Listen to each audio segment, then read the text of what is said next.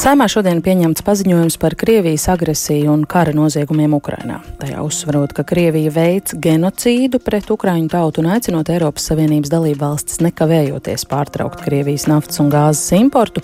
Pār paziņojumu nobalsojuši 83 deputāti no visām parlamentu frakcijām. Neviens nebalsoja pret un nebija arī parlamentārieši, kas balsojumā atturētos. Kāpēc svarīgi to definēt kā genocīdu un ko ar šo paziņojumu parlaments centies uzsvērt? Mēs vispirms programmā pēcpusdienā vaicāsim saimnes deputātam ārlietu komisijas vadītājiem Rihardam Kolam. Labdien! Labdien! Stāstiet, ko tieši savā paziņojumā šobrīd to izplatot vēlas uzsvērt saima?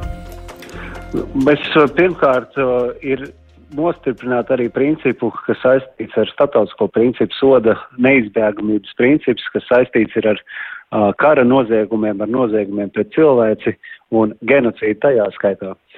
Un uh, mēs Visi esam bijuši liecinieki tām zvērībām, ko Krievijas okupācijas eh, karaspēks paveicis eh, Ukrainā, eh, tam atkāpjoties no, nu, vismaz kara arī sākuma okupētajām teritorijām, un kur pavērās šīs drausmīgās zvērīgās ainas par spīdzinātiem cilvēkiem, nošautiem cilvēkiem masveidīgā skaitā. Un uh, papildus vēl arī tam nāk uh, ziņas, un to apstiprina arī ANO uh, pārstāvji Ukrainā, kur Krievijas okupācijas spēki arī piespiedu kārtā deportē tūkstošiem, simtiem tūkstošu Ukraiņu. Pēc viņu aplēsēm tie ir aptuveni 500 tūkstoši pusmiljons Ukraiņu piespiedu kārtā deportēt uz Krievijas attāliem reģioniem, uz Sakalīnu, uz Sibīriju. Un, ziniet, tas ir absolūti tas pats rokraksts, ko mūsu tauta Latvija piedzīvoja tās tumšākajās vēstures lapas pusēs padomju okupācijas laikā, režīma represijas, mūsu cilvēki Uh, izsūtījumu uz, uh, uz, uz Sibīriju, un arī mēs paši 98. gadā saimā pieņemot deklarāciju par Latvijas okupāciju atzīstam 41. 49. gada deportācijas par genocīdu.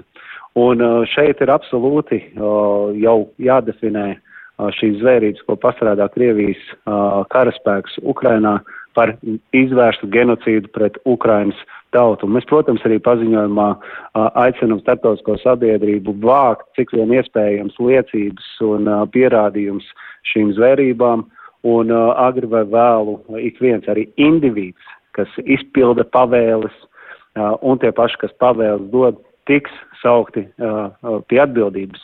Un šeit ir būtisks šis soda neizbēgamības princips. Tieši par soda neizbēgamību runājot, vai arī tāpēc ir svarīgi šo definēt kā genocīdu, vai tam ir arī kādas tālajošākas tālākas sekas?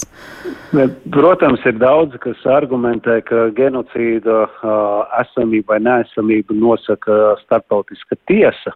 Um, izvērtējot, bet uh, šeit šīs pazīmes ir absolūti liecina par plašu izvērstu genocīdu. Um, līdz ar to mēs jau šo atzīstam, ņemot arī mūsu tautas arī vēsturisko pieredzi, jo vispār zināms fakts ir un ko pati uh, Krievijas federācija kultivē, ka viņi ir padomju savienības uh, tiesiskā mantiniece. Un mēs redzam, ka tas rokraksts neko neatšķiras ar padomu režīmu, sarkano armiju, tām zvērībām, ko viņi paveica otrā pasaules karā un pēc otrā pasaules kara okupācijas periodā. Un uh, nu šeit es esmu pārliecināts, un arī Latvija ir uh, sniegusi arī finansiālu atbalstu starptautiskajai krimināla uh, tiesai veicot šo izmeklēšanu. Un mēs arī saprotam, ka šādi noziegumi viņi ir ļoti laikietilpīgs process, kuru izmeklē, bet ir skaidrs tas, ka no soda neizvairīties. Es kā piemēru varu minēt Naciskās Vācijas ārstās, kuri vēl pagājušo gadu, 21. gadā, tiesas priekšā stājās 101 gadu vecs Vācijas pilsonis, kurš bija naciskā režīma nometnes viens no uzraugiem, un arī viņš tāds stājas priekšā, tiesas priekšā par noziegumiem pret cilvēci. Līdz ar to tas ir signāls jebvienam, jebkuram, kurš vēl joprojām turpina pastrādāt šos noziegumus Ukrainas teritorijā, ka no soda neizbēgs. Jā, paldies tā saimnes deputāts ārlietu komisijas vadītājs Rihards Kols par šodien pieņemto paziņojumu saimā par Krievijas agresiju un kara noziegumiem Ukrainā, kur uzsvērts, ka Krievija veids genocīdu pret Ukraiņu tautu. Šobrīd mums programmā pēcpusdienā pievienojas arī Latvijas Universitātes filozofijas un socioloģijas institūta vadošais pētnieks Dīdzis Bērziņš. Labdien! Labdien. Vai no jūsu pētnieka skatu punkta varat skaidrot, kāpēc ir svarīgi formulēt, ka Ukrainā notiekošais ir genocīds, nevis kara noziegumi, cik būtiski, kā to nosauc un kāda nozīme tam, ka parlaments to tagad šādi paziņo? Jā, labdien! Es domāju, ka tas ir būtiski. Mums mēdījos pēdējās nedēļas ir bijusi jau šī diskusija par to, kādi jēdzieni būtu lietojami. Es domāju, ka tā arī turpināsies. Un, un ir svarīgi saprast, kādus vārdus mēs lietojam, vai tie ir precīzi apzīmējumi un, un tam līdzīgi. Bet šai situācijā, raugoties uz to, kas notiek Ukrainā, es domāju, ka tas nav pats būtiskākais. Pats būtiskākais ir rīcība, mēģinājumi pievērst uzmanību šiem noziegumiem un darīt iespējamo, lai karadarbību un civiliedzīvotāju ciešanas apturētu.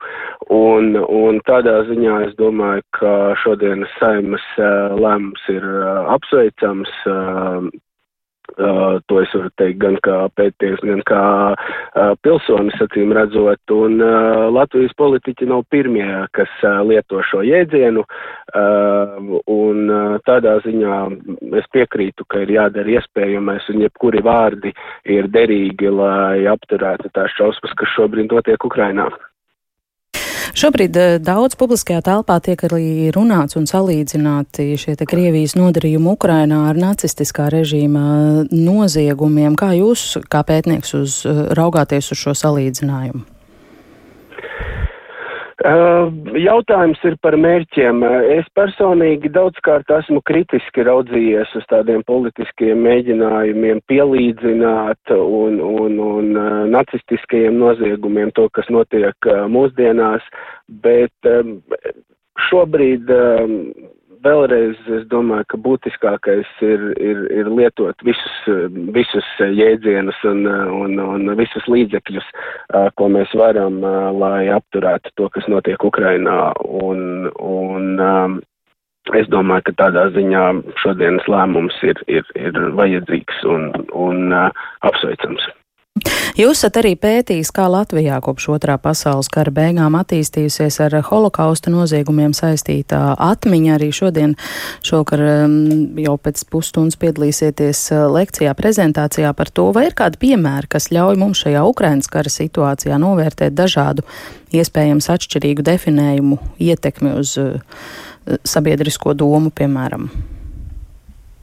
Uh -huh.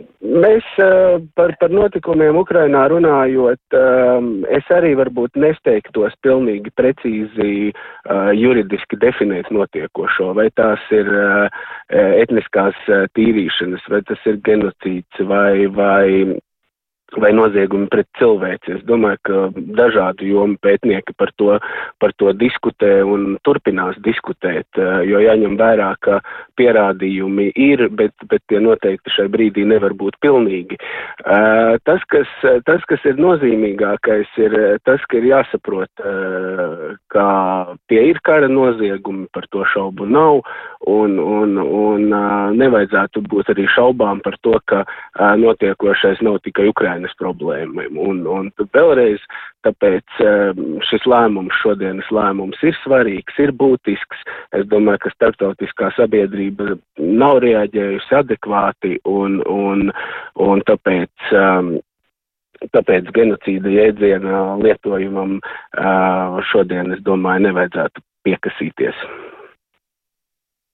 Nu, tad vai tas, cik plaši starptautiski tas tiktu nosaukts par genocīdu un cik vienoti starptautiskā sabiedrība būtu šajā jautājumā, tam arī ir kāda nozīme? Es domāju, ka ir nozīme, jā. Es domāju, ka visiem diplomātiskajiem centieniem, kas uh, var kādā veidā ietekmēt situāciju un palīdzēt Ukrainas cilvēkiem, uh, ir nozīme.